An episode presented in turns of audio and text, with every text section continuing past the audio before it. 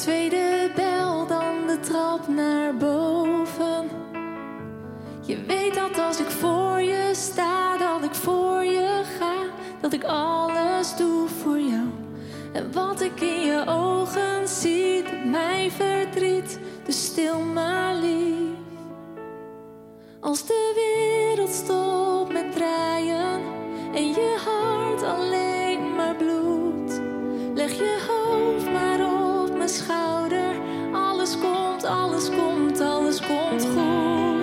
Goed.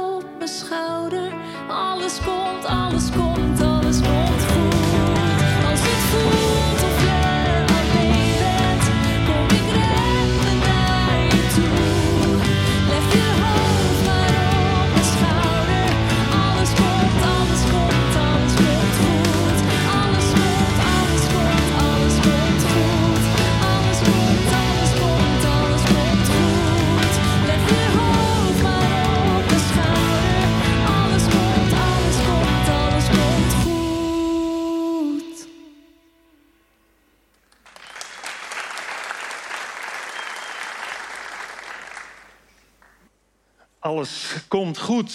Een nummer wat je misschien wel kent van Jaap Reesema. En dat is het nummer waar we vandaag bij stil zullen staan in de serie Met Andere Oren. En inderdaad, in deze serie gaan we in op teksten van soms hele moderne nummers... die in de top 100 staan, of de top 10. Nummers die eh, heel oud zijn, eh, soms wel tot 100 jaar geleden. Met de hoop dat als je daarna het nummer nog eens weer hoort... dat je er met andere oren naar zult luisteren... omdat we er een een en ander met elkaar over hebben gedeeld. Ja, we hebben al een heel aantal nummers gehad. Het nummer Flowers van Miley Cyrus. Engelbewaarder van Marco Schuitenmaker... of misschien wel voor de ouderen onder ons bekend van Mieke... eh, geschreven door Pierre Kartner.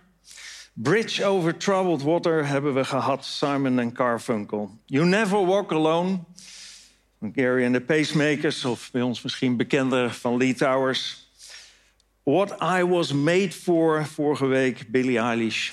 En vandaag dus Alles Komt Goed. Ja, alles komt goed. Dat is misschien wel eens tegen je gezegd. Misschien toen je ergens grote zorgen over maakte... Misschien toen je tegenslag te verwerken had. Misschien op momenten dat je down of depressief was. Dat iemand dat tegen je zei. Alles komt goed. Of woorden van gelijke strekking. En dat zijn soms de troostwoorden hè, die we te horen krijgen. Die dan tegen je gezegd kunnen worden. En hoe goed waarschijnlijk ook bedoeld.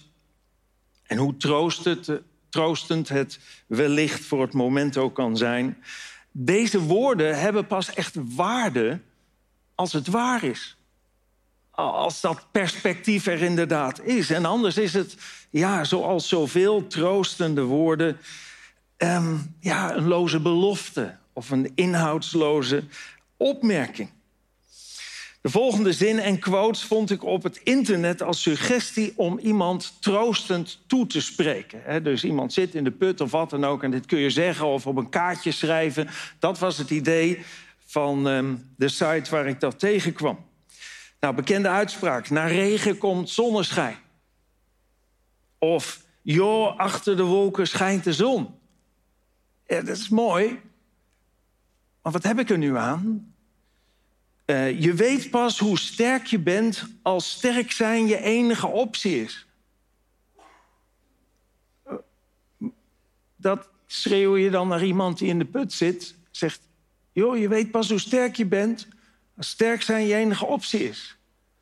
Het is goed bedoeld, maar wat moet je ermee? Laat komen wat komt, laat gaan wat gaan, gaat. Dan zie je vanzelf wat er overblijft.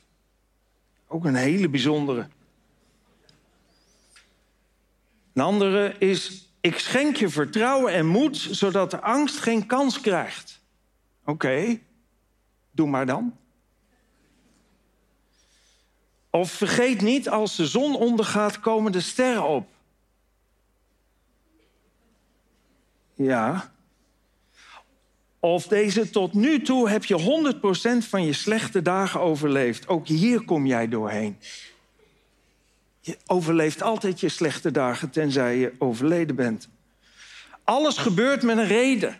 Dat is ook een goeie. Je hebt al een probleem, nu heb je nog een probleem. Want nu moet je erover nadenken wat daar dan de reden van is. Of het zal wel overwaaien. Wat heb je eraan als je midden in een orkaan zit? Of alles zal vanzelf op zijn plek vallen, dat zei de man terwijl het vliegtuig neerstort.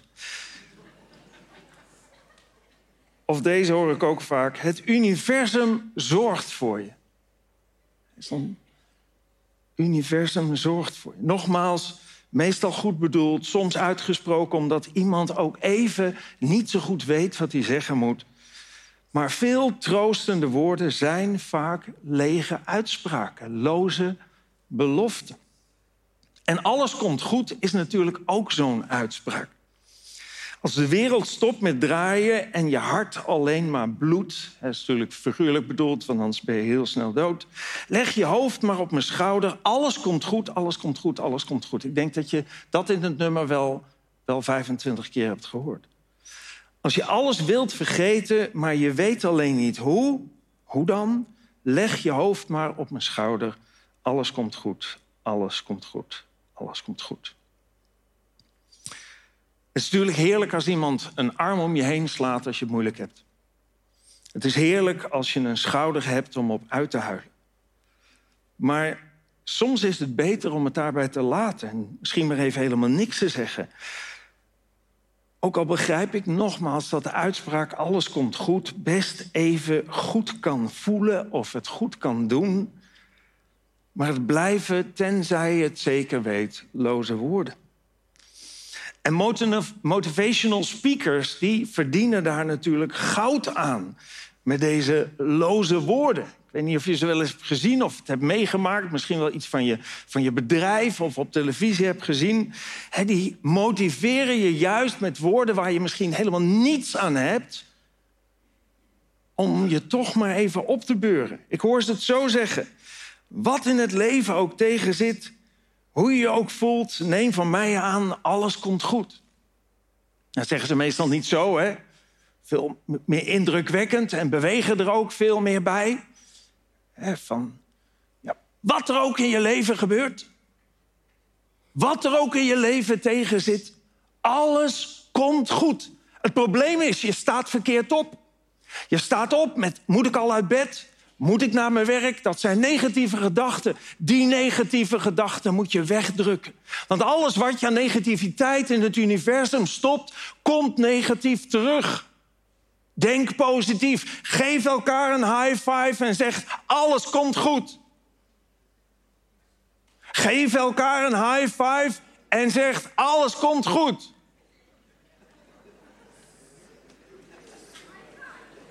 Ja, met jullie heeft zelfs een motivational speaker nog een depressie, denk ik. Maar... Ik kan je wel voor de gek houden, maar wat heb je eraan? Je bent bij een opname van Upstream of kijkt of luistert naar een opname van Upstream. En het doel van Upstream is niet om je lucht te verkopen. Maar om iets van dat wat wij in ons eigen leven hebben leren kennen en wat los van je omstandigheden waarin je bent, echt geluk, vrede, rust en hoop geeft. Om dat te delen met wie het maar wil horen. Niemand die bij Upstream betrokken is, wordt hier rijk van. 99% van de medewerkers doen dat als vrijwilligerswerk. Dat geldt ook voor mezelf.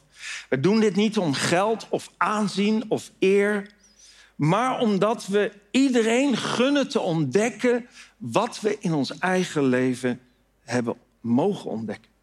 En dat heeft alles te maken met de Bijbel en wat in dat eeuwenoude boek staat opgeschreven. Het heeft alles te maken met God.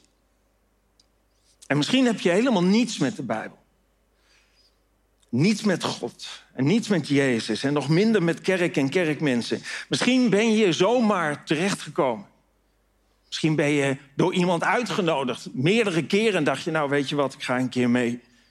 Misschien luister je nu naar een podcast of heb je ons gevonden via Facebook of Instagram.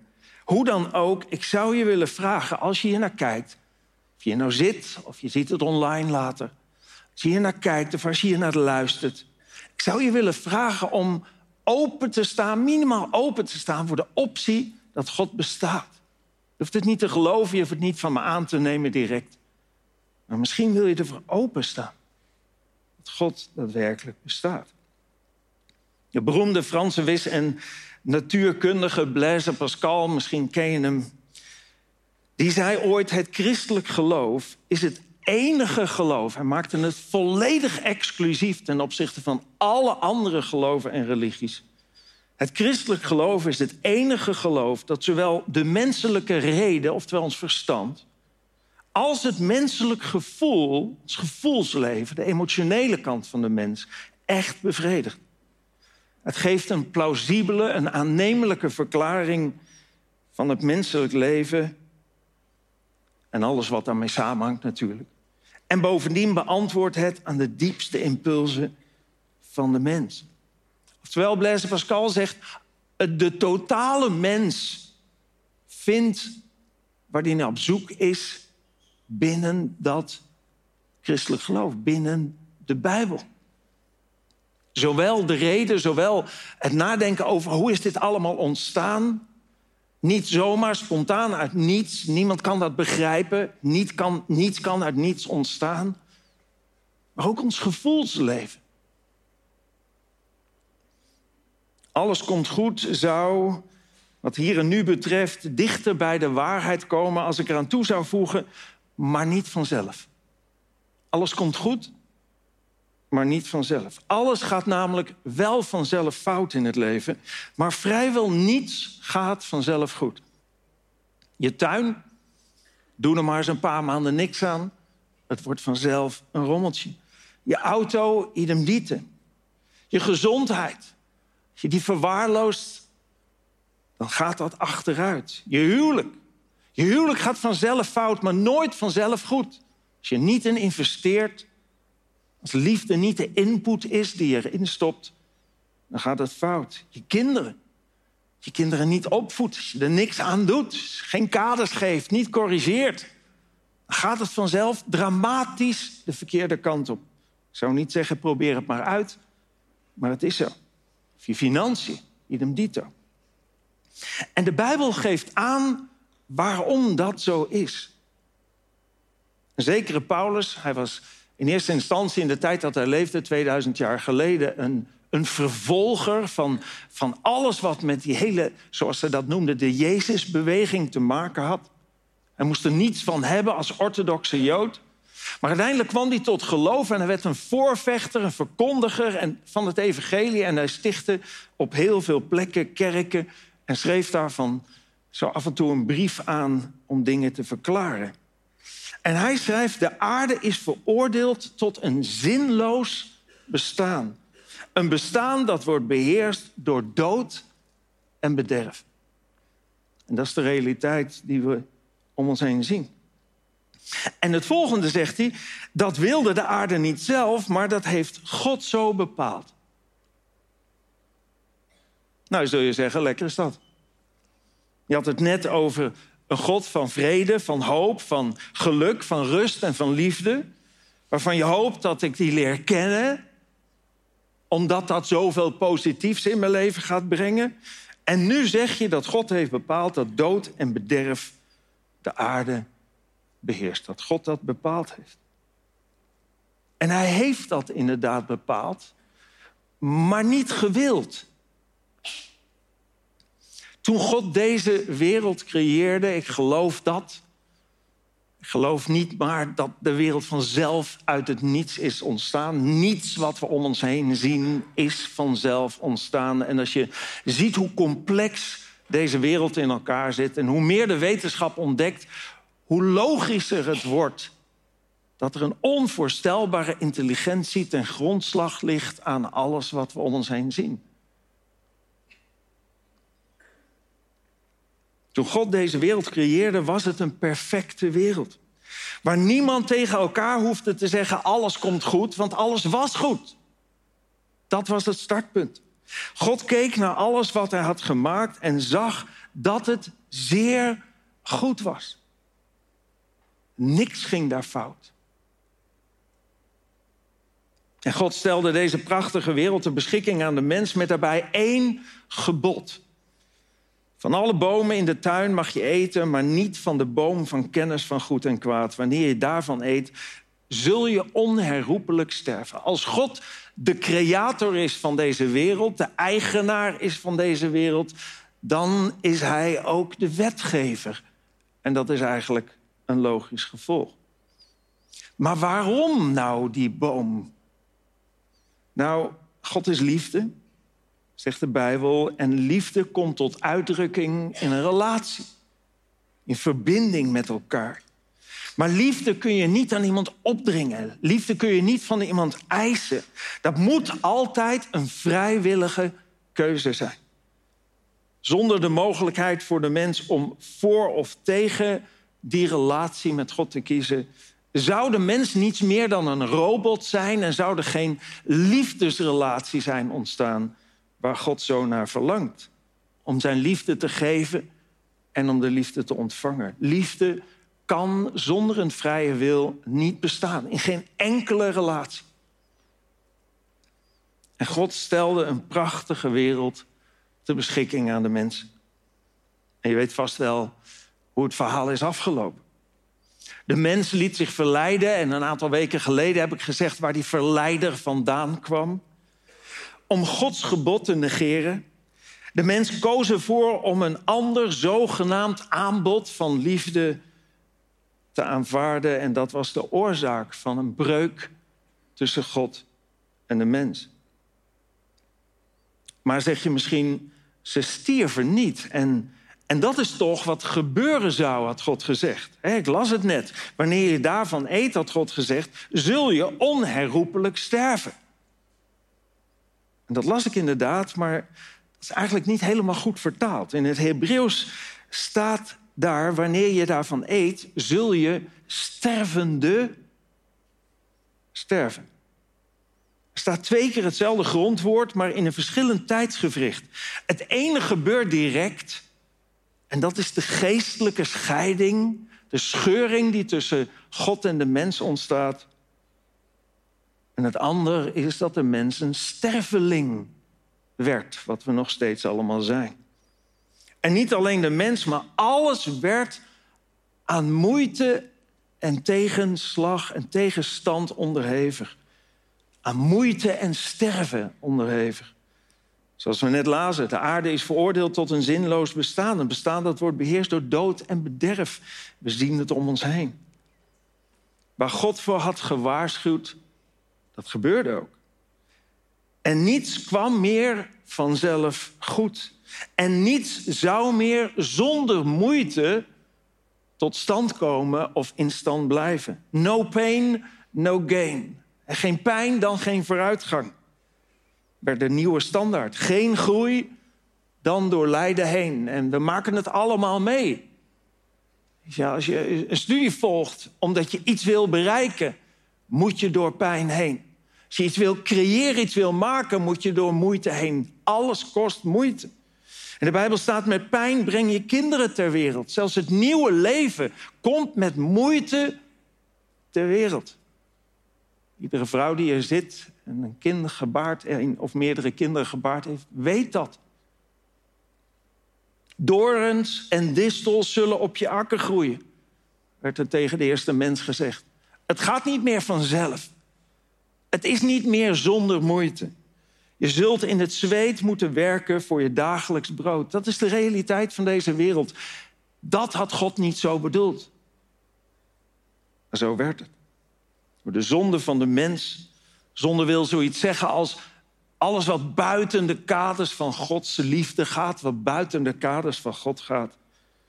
Door de zonde van de mens was de tegenstander van God onderdeel geworden van deze wereld. En het kwaad doet er alles aan om Gods scheppingsorde tegen te werken en te frustreren. En het leven te bemoeilijken. En het doet er alles aan om de mens bij God weg te trekken. En als hij dat gedaan heeft, de mens bij God vandaan te houden. We worden doodgeamuseerd in de wereld waarin we leven. Er zijn honderdduizend en één religies waaruit we kunnen kiezen. Variatie is eindeloos. Als we maar niet bij de Bijbel uitkomen, bij Jezus uitkomen. Nou, misschien zeg je, lekker is dat. Adam en Eva eten van de verboden vrucht en wij zitten met de gebakken peren. Nou, dat is niet helemaal de realiteit, zegt Paulus. Want, zegt hij, alle mensen, wij allemaal, hebben zich van God afgekeerd.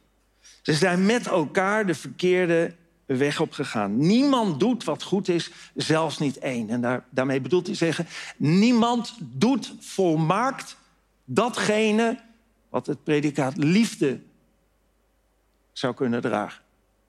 We zijn allemaal van tijd tot tijd egoïstisch of op allerlei wijze gaan we in tegen de kaders die God geeft. En iets verderop zegt Paulus: alle mensen hebben gezondigd en missen daardoor Gods nabijheid. Die kloof die is ontstaan tussen God en de mens maakt de mens tot een gelukzoeker. We zijn altijd op zoek naar dingen die ons gelukkig kunnen maken. Of in relaties, of in seksualiteit, of in bezit, of in geld, of in macht, of in wat dan ook. Om steeds maar weer opnieuw te ervaren dat de houdbaarheidsdatum van dat geluk zo vreselijk kort is. En dan moeten we weer op zoek naar iets nieuws. Weer een nieuw huis, weer een nieuwe keuken, een nieuwe vrouw, een nieuw dit. En je nieuwe auto, die zo lekker ruikt, daar zit na drie weken weer gewoon jouw lucht in. In plaats van die nieuwe lucht. En alles went. En weer moeten we op zoek.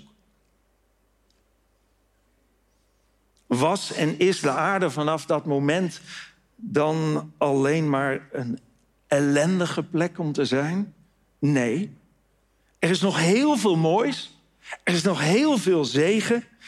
Maar veel dingen kosten moeite en weinig gaat vanzelf goed. En wil je dat dingen goed gaan, dan vraagt dat om het maken van verstandige keuzes. En daarom gaf God de mens handvatten, zou je kunnen zeggen. Richting. Om te midden van deze gebroken wereld toch nog heel veel goeds en moois te kunnen ervaren. In relaties, in de kinderen, in opvoeding, in financiën, in bezit, in al die dingen. Je zou het Gods leefregels voor een gelukkig leven kunnen noemen. Gods gebruiksaanwijzing van het leven te midden van een gebroken wereld. Ooit samengevat in de tien geboden. Maar eigenlijk zijn er voor alle levensthema's door God wel richtlijnen gegeven. Hulp gegeven, richting geboden. En misschien zit je hier of kijk je dit en denk je... kijk, daar was ik nu al bang voor. Dat is nou precies waarmee ik altijd God of de Bijbel of de kerk associeer. Alles wat je wil, mag je niet meer. En alles wat je niet wil, dat moet je doen. Ik was er al bang voor. Maar stel nou, ik kan het niet ontkennen, ik kan niet ontkennen dat er dingen zijn die je soms wil doen, waarvan van God zegt, doe dat niet. Of die je wil laten waarvan God zegt, doe dat. Maar stel nou dat God deze kaders voor het leven, deze leefregels, deze levenslessen niet heeft, je, heeft gegeven om je te beperken in je vrijheid, omdat God je dingen niet gunt, maar dat Hij deze heeft gegeven omdat Hij van je houdt. Omdat Hij wil dat je gelukkig bent. Omdat Hij wil dat je huwelijk slaagt. Dat je financiën geen blokkade worden.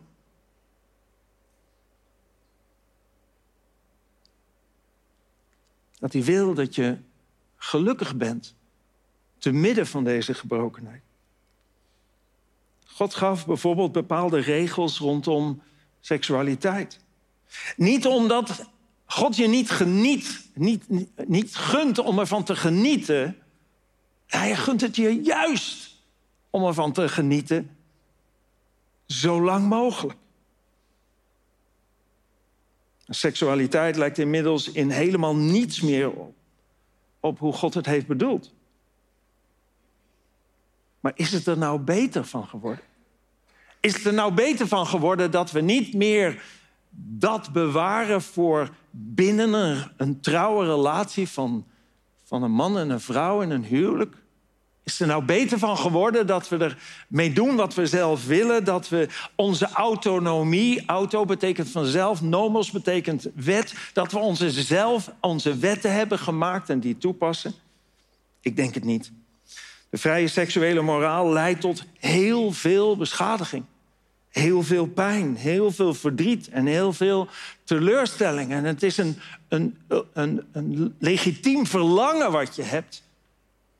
Maar omdat het zo kwetsbaar is, wil God dat juist ook beschermen. Het heeft niet alleen tot heel veel ellende geleid, maar ook tot heel veel ziektes. En er zou geen enkele seksueel gerelateerde ziekte bestaan als we het zouden hanteren op de manier zoals God het heeft bedoeld. En vaak maken we zoveel stuk in onze jonge jaren, waar we er dan even van genieten. En vervolgens gaan we een leven lang tegemoet waar een hoop ellende en teleurstelling rondom seksualiteit is. Ik las gisteren, misschien heb je het bericht ook gezien, 10.000 berichten per dag in Nederlandse wraakpornogroepen. Telegram doet niks. In de Nederlandse Telegram-chatgroepen wordt nog steeds op grote schaal contactgegevens en naaktfoto's van vrouwen gedeeld, blijkt uit onderzoek van de NOS Stories. De beelden gaan bijvoorbeeld gepaard met iemands profielfoto, maar regelmatig ook met sexy foto's, naaktfoto's en zelfs seksfilmpjes.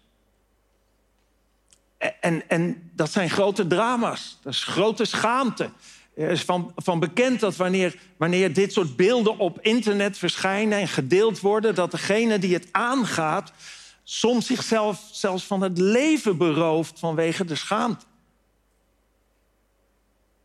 Maar geen enkel filmpje of foto of story of wat dan ook zou daar terechtkomen. Wanneer het zou doen zoals God het bedoeld heeft. En zo geldt het ook voor het huwelijk. We hebben God en zijn uitgangspunten voor het huwelijk al heel lang geleden over de schutting gegooid. En ervoor gekozen, en dat geldt voor bijna de hele wereld, ervoor gekozen om het op onze eigen manier te doen. Maar ook daarvoor geldt, laten we eerlijk zijn. Hoe goed gaat het dan nu, nu we het op onze manier doen? Bijna één op de twee huwelijken strandt lang voordat de dood en scheidt. En reken je daar de samenlevingscontracten nog bij, dan is het veel meer dan de helft. Allemaal drama's op zich. En dat niet alleen, wat nog veel erger is. Per week horen 1350 kinderen in Nederland per week dat hun biologische ouders uit elkaar gaan. Wat tot grote schade leidt. En soms niet eens zo zichtbaar is en in een late fase in je leven zichtbaar wordt, ook al worden de verbanden niet altijd gelegd. Grote drama's En zo kan ik nog wel even doorgaan. Ik kan met aan zekerheid grenzende waarschijnlijkheid zeggen dat de dingen waar je in je leven de grootste spijt van hebt, nooit zouden zijn gebeurd als je Gods uitgangspunten had gehanteerd. En ik weet het voor mezelf ook. Ik ben geen heilige. Vaak genoeg, zelfs nu, nu ik hier sta, is het nog soms strijden tegen die makkelijke weg. Of die verleiding. Het is net de telcelreclame. Soms wil je gewoon dat het waar is en dat het wel oké is. Om er iedere keer achter te komen. Nee, het werkt niet. Je wordt er niet gelukkig van. Dit is niet Gods weg. Een zekere koning David was zo'n duizend jaar voor Christus, gedurende 40 jaar, koning van Israël. Maar gedurende zijn hele leven was hij ook, we zouden het tegenwoordig noemen, singer-songwriter. Hij was ook nog muzikant, hij bespeelde ook nog een instrument. En vele van zijn nummers kwamen in de Bijbelse top 150 terecht. En in een van die nummers beschrijft hij zijn grote waardering voor de leefregels die God heeft gegeven. Hij was daar uitermate enthousiast over. Hij kon als geen ander zelf bepalen wat hij deed. En zelfs iedereen opleggen dat zo te doen. Maar hij schreef dit in een van zijn nummers. Hij schrijft: De richtlijnen van de Heer zijn volmaakt. Ze geven levenskracht. Wat de Heer afkondigt, is betrouwbaar. Het maakt de onervarene wijs. En zijn we niet allemaal tot op zekere hoogte onervaren in het leven? God wil niet dat je alles leert met vallen en opstaan, want van sommige dingen sta je nauwelijks meer op. Hij maakt de onervarene wijs.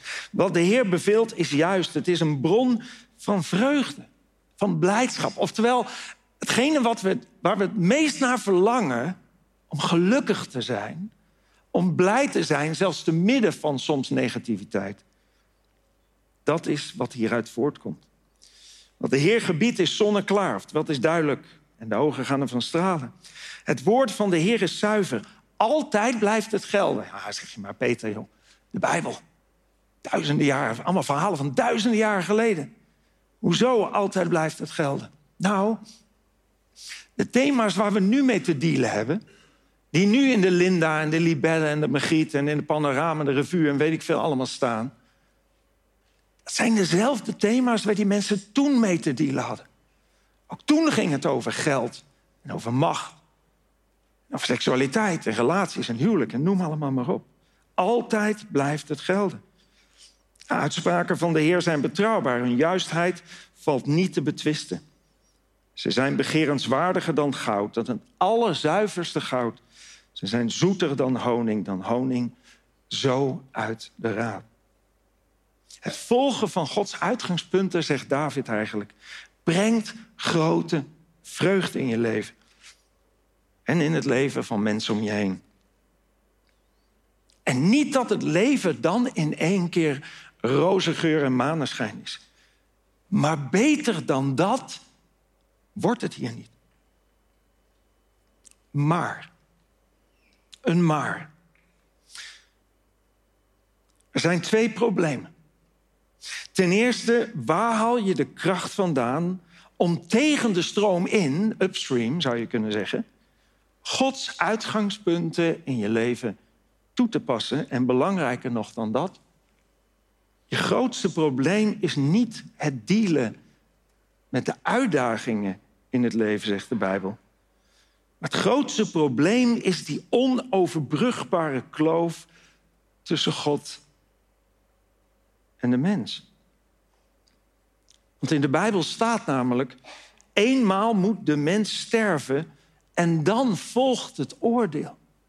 Oftewel, deze tijd dat we sterveling zijn, is een tijd eigenlijk van genade, van onverdiende gunst. God had ook meteen met de mens kunnen afrekenen die tegen hem opstond. En dat zou betekenen dat het hier heel leeg zou zijn in de zaal en ook op het podium, overal. Het is genade dat God ons de tijd geeft om in ons leven te bepalen waar we in eeuwigheid zullen zijn. Eenmaal moet de mens sterven en dan volgt het oordeel. En als God echt bestaat, als God echt de schepper is van hemel en aarde... en als God echt rechtvaardig is, wat ik geloof... dan is het oordeel over de zonde ook logisch. En dat oordeel zal geen balans zijn tussen je goede dingen en je slechte dingen die je hebt gedaan. Ik hoor dat mensen soms wel eens zeggen. Ze een vraag krijgen, waar ga je naartoe als je doodgaat? Zeggen ze naar de hemel, maar waarom dan? Nou, ik ben best een goed mens. Ik ben altijd best wel goed geweest of ik heb wel dit gedaan of dat gedaan. Maar er zal geen balans worden opgemaakt. En dat is ook heel logisch. Stel je voor dat iemand je huis in brand heeft gestoken en de rechter het hele leven van de dader voor zich neemt en zegt: Nou, ik zie best een heleboel positieve dingen. Goed voor je moeder gezorgd toen ze terminaal was en je hebt, je hebt hard gewerkt en noem maar op. Ja, je hebt dan wel uit uh, nijd voor je buurman of voor wie dan ook het huis, zijn huis in brand gestoken. Maar als ik de balans zo opmaak, dan slaat hij toch door naar de positieve kant. Dus goed gedaan, tot ziens. Wat zou je zeggen als het je huis was? Dan zou je zeggen, eh, sorry meneer de rechter. Edelachtbare. Um, al die goede dingen die hij heeft gedaan is leuk en mooi en logisch. Moeten we het niet allemaal doen. Maar moet het slechte niet bestraft worden? Ieder mens is besmet met de zonde. En op die manier kan niemand de hemel binnengaan. En niemand de nieuwe aarde die God beloofd heeft betreden. En ik wil je zeggen, dat zou je wel willen. Dat is ten diepste wat ieder mens wil. Als je kijkt naar hoe dat eruit komt te zien, wat God zegt, deze wereld gaat voorbij. Deze wereld die gebroken is en stuk is, gaat voorbij. Maar ik maak een nieuwe wereld. En dat deze, heeft deze kenmerken. In de Bijbel staat: Dit is de plaats waar God voortaan bij de mensen zal wonen. Zij zullen zijn volk zijn en God zal zelf, zelf zal bij hen zijn. Hij zal hun God zijn. Hij zal alle tranen van hun ogen afvegen. Kun je dat voorstellen? Dat is echt alles komt goed. En de dood zal er niet meer zijn. Kun je dat voorstellen? Niemand zal nog verdrietig zijn, treuren of pijn hebben. Want de eerste dingen zijn voorbij en hij die op de troon zit zei: Ik maak alles nieuw. Schrijf dit op, want mijn woorden zijn waar. Ik zal doen wat ik heb gezegd. En dat God doet wat hij belooft en wat hij gezegd heeft, is al zo vaak aangetoond. Toezeggingen, profetieën, voorzeggingen uit het verleden. Honderden jaren daarvoor gedaan, zijn al zo vaak uitgekomen en zullen ook in de toekomst uitkomen. En misschien wel in de nabije toekomst. Het is niet alleen Gods verlangen dat je hier en nu leeft zoals Hij dat bedoeld heeft, maar Hij wil graag ook die volgende stap. Het is mooi om te leven en belangrijk om te leven zoals God het bedoeld heeft, want daar word je echt gelukkig van en dat is tot eer van Hem. Maar het is nog meer Gods verlangen dat je uiteindelijk goed terecht zult komen. Niet voor altijd van Hem gescheiden, want dat is een hel.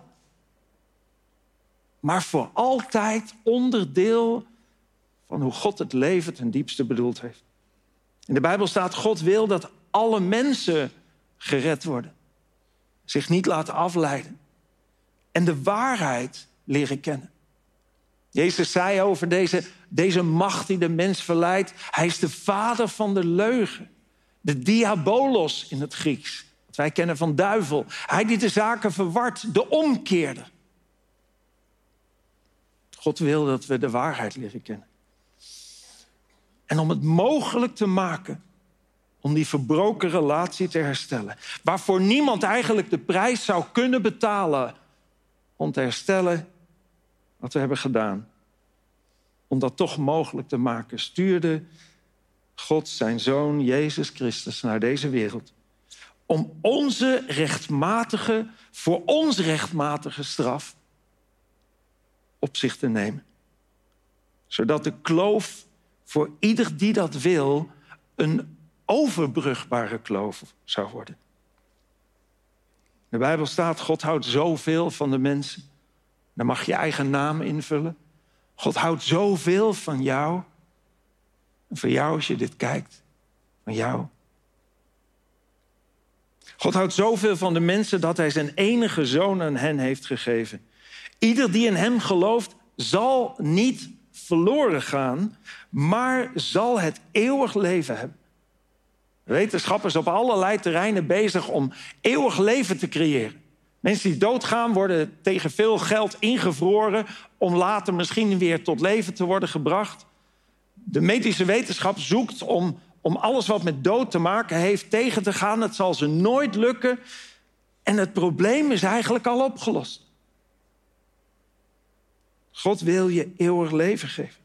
Want God heeft zijn zoon niet naar de wereld gestuurd om de mensen te veroordelen, maar om door hem, door Jezus, de mensen te redden. En ondanks dat je Jezus nooit gezien hebt, kun je hem wel leren kennen. En voordat ik af ga sluiten met nog één tekst, voordat ik afsluit met gebed, luister naar het nummer met die titel. Jezus nooit gezien.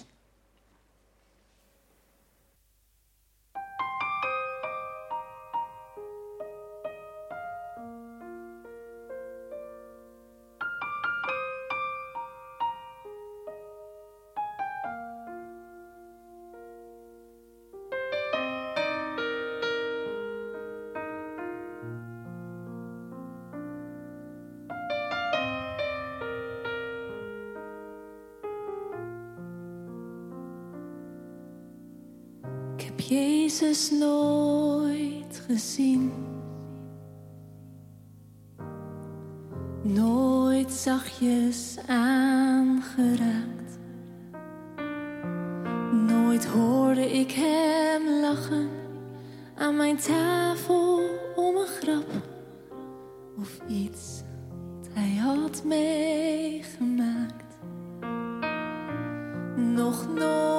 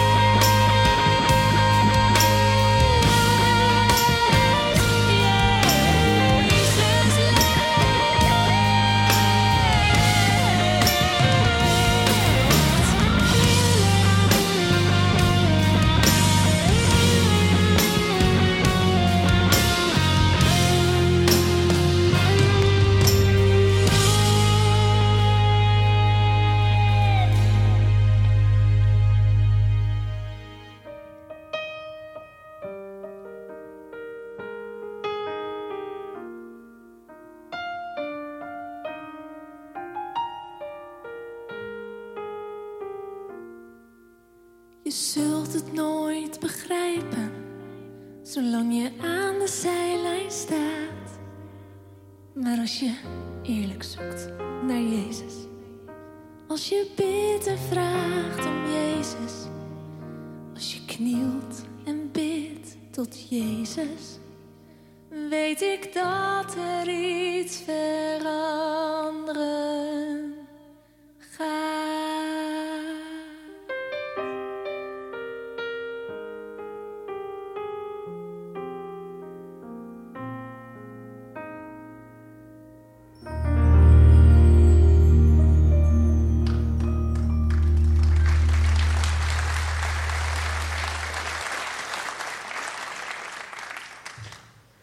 Ja, dat is een ervaring uit mijn eigen leven. Ik zeg wel eens vaker, ik zou voor geen goud van de wereld terug willen naar de momenten voordat ik God leerde kennen, voordat ik Jezus leerde kennen. God zegt over zichzelf, ik ben de Heer. Een milde God, vol medelijden, vol liefde en geduld. Een God op wie je vertrouwen kunt. Tot in de duizendste generatie bewijs ik mijn trouw. Vergeef ik misdaad, onrecht en zonde, wat je ook op je kerfstok hebt. Alles komt goed. Als je voor Hem kiest. En dat is beslist geen loze belofte. De hele tekst van het nummer, alles komt goed, zou de uitspraak van Jezus kunnen zijn. Als je zijn hoofd op zijn schouder legt, als je hem vertrouwt, als je hem wil volgen en wil gehoorzamen, mag je er zeker van zijn dat het goed komt. Ik wil graag afsluiten met gebed. Heer God, ik wil u zo danken voor uw liefde, voor uw trouw, voor uw genade. Heer, en u kent ons allemaal zoals we hier zitten, zoals we dit kijken, zoals we dit luisteren. U kent ons hoofd voor hoofd. En u houdt intens veel van ons allemaal. U heeft ons gemaakt. En u spreekt in de Bijbel, in uw woord, zo vaak uit uw verlangen om een relatie met ons te hebben, om met ons verbonden te zijn. Ik wil u zo danken, Heer, dat, dat u dat ook mogelijk heeft gemaakt. Dat we bij u terug kunnen komen. Dat we u de rug hebben toegekeerd. Ik wil u zo bidden voor iedereen die hier zit, voor iedereen die kijkt. Ik wil u bidden of u in ons leven uitwerken wilt wat u belooft. Dat we misschien wel voor het eerst in ons leven op zoek zullen gaan naar u. Want u zegt, wie mij zoekt, zal mij vinden. En er zijn zoveel mensen ons voorgegaan. Die soms ook zo sceptisch waren. Die zichzelf lange tijd atheïst noemden of agnost of, of met van allerlei dingen bezig waren. Maar op een gegeven moment eerlijk op zoek zijn gegaan. En als we eerlijk en oprecht met ons hart naar u op zoek gaan. U zegt, wie mij zoekt, zal mij vinden. Ik wil u zo danken, Heer, voor die liefde. En ik wil u zo bidden, Heer, dat u uw licht in ons wilt laten schijnen. Uw liefde. Heer, en dat we ons leven mogen gaan inrichten, misschien voor het eerst. Zoals u het heeft bedoeld.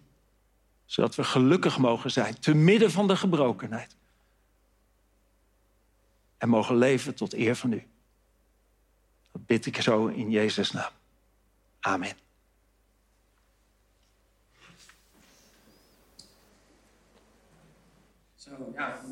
Na alles wat er voorbij is gekomen. Ehm, toch heb ik een gedichtje geschreven bij alles wat er voorbij kwam. En ehm, ja, ik zeg het toch nog maar. Ik vertel het toch nog maar. Het staat boven. Als het leven pijn doet. Ik ben altijd al iemand geweest die naast iemand wil staan. Die als het leven pijn doet, voor een ander door het vuur wil gaan. Ik wil een plek zijn waar iemand bij kan rouwen. En een schouder waar je op kunt bouwen. Ik zei dan altijd troostend: Kom maar, alles komt goed. Leg je hoofd maar op mijn schouder en wacht maar af wat de tijd met je doet. Maar met de jaren werd ik steeds wat ouder en werd mijn ziel steeds een stukje kouder. Want ik kwam erachter dat niet altijd alles goed komt. En toen ik de pijn zelf in de ogen moest kijken, raakte ik totaal verstomd. Want als het leven pijn doet, werken troostende woorden niet. Want niemand kan dan mijn pijn, mijn pijn voelen en niemand begrijpt mijn verdriet. Natuurlijk gaat het leven wel verder, omdat je verder moet.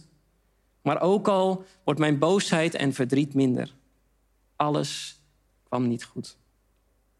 Want dat jij er niet meer bent en wat jij toen tegen me hebt gezegd, heeft voor eeuwig de vrede in mijn ziel verstoord.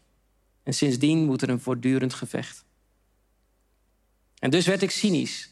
Want als er al een God is, waarom gaat dan uiteindelijk toch alles naar de verdoemenis? Maar als ik dan naast iemand wilde staan, kon ik niet meer zeggen: alles komt goed.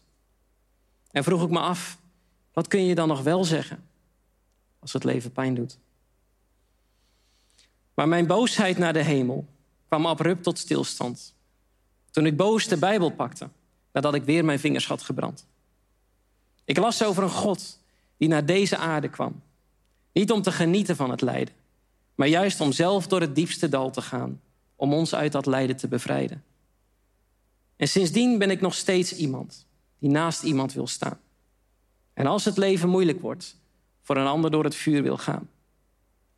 Maar nu ben ik stil als het hart van iemand bloedt. En denk ik, ook al brandt de hele wereld, toch is mijn God goed. Want als mijn leven pijn doet, weet ik, God is zelf ook dwars door mijn pijn heen gegaan. En Hij is daarom de enige die in de pijn van het leven naast mij kan staan. En ik klamp me daaraan vast, want alleen dat geeft me troost en moed. Want sinds ik me door Hem heb laten redden, mag ik weten, ooit komt alles goed.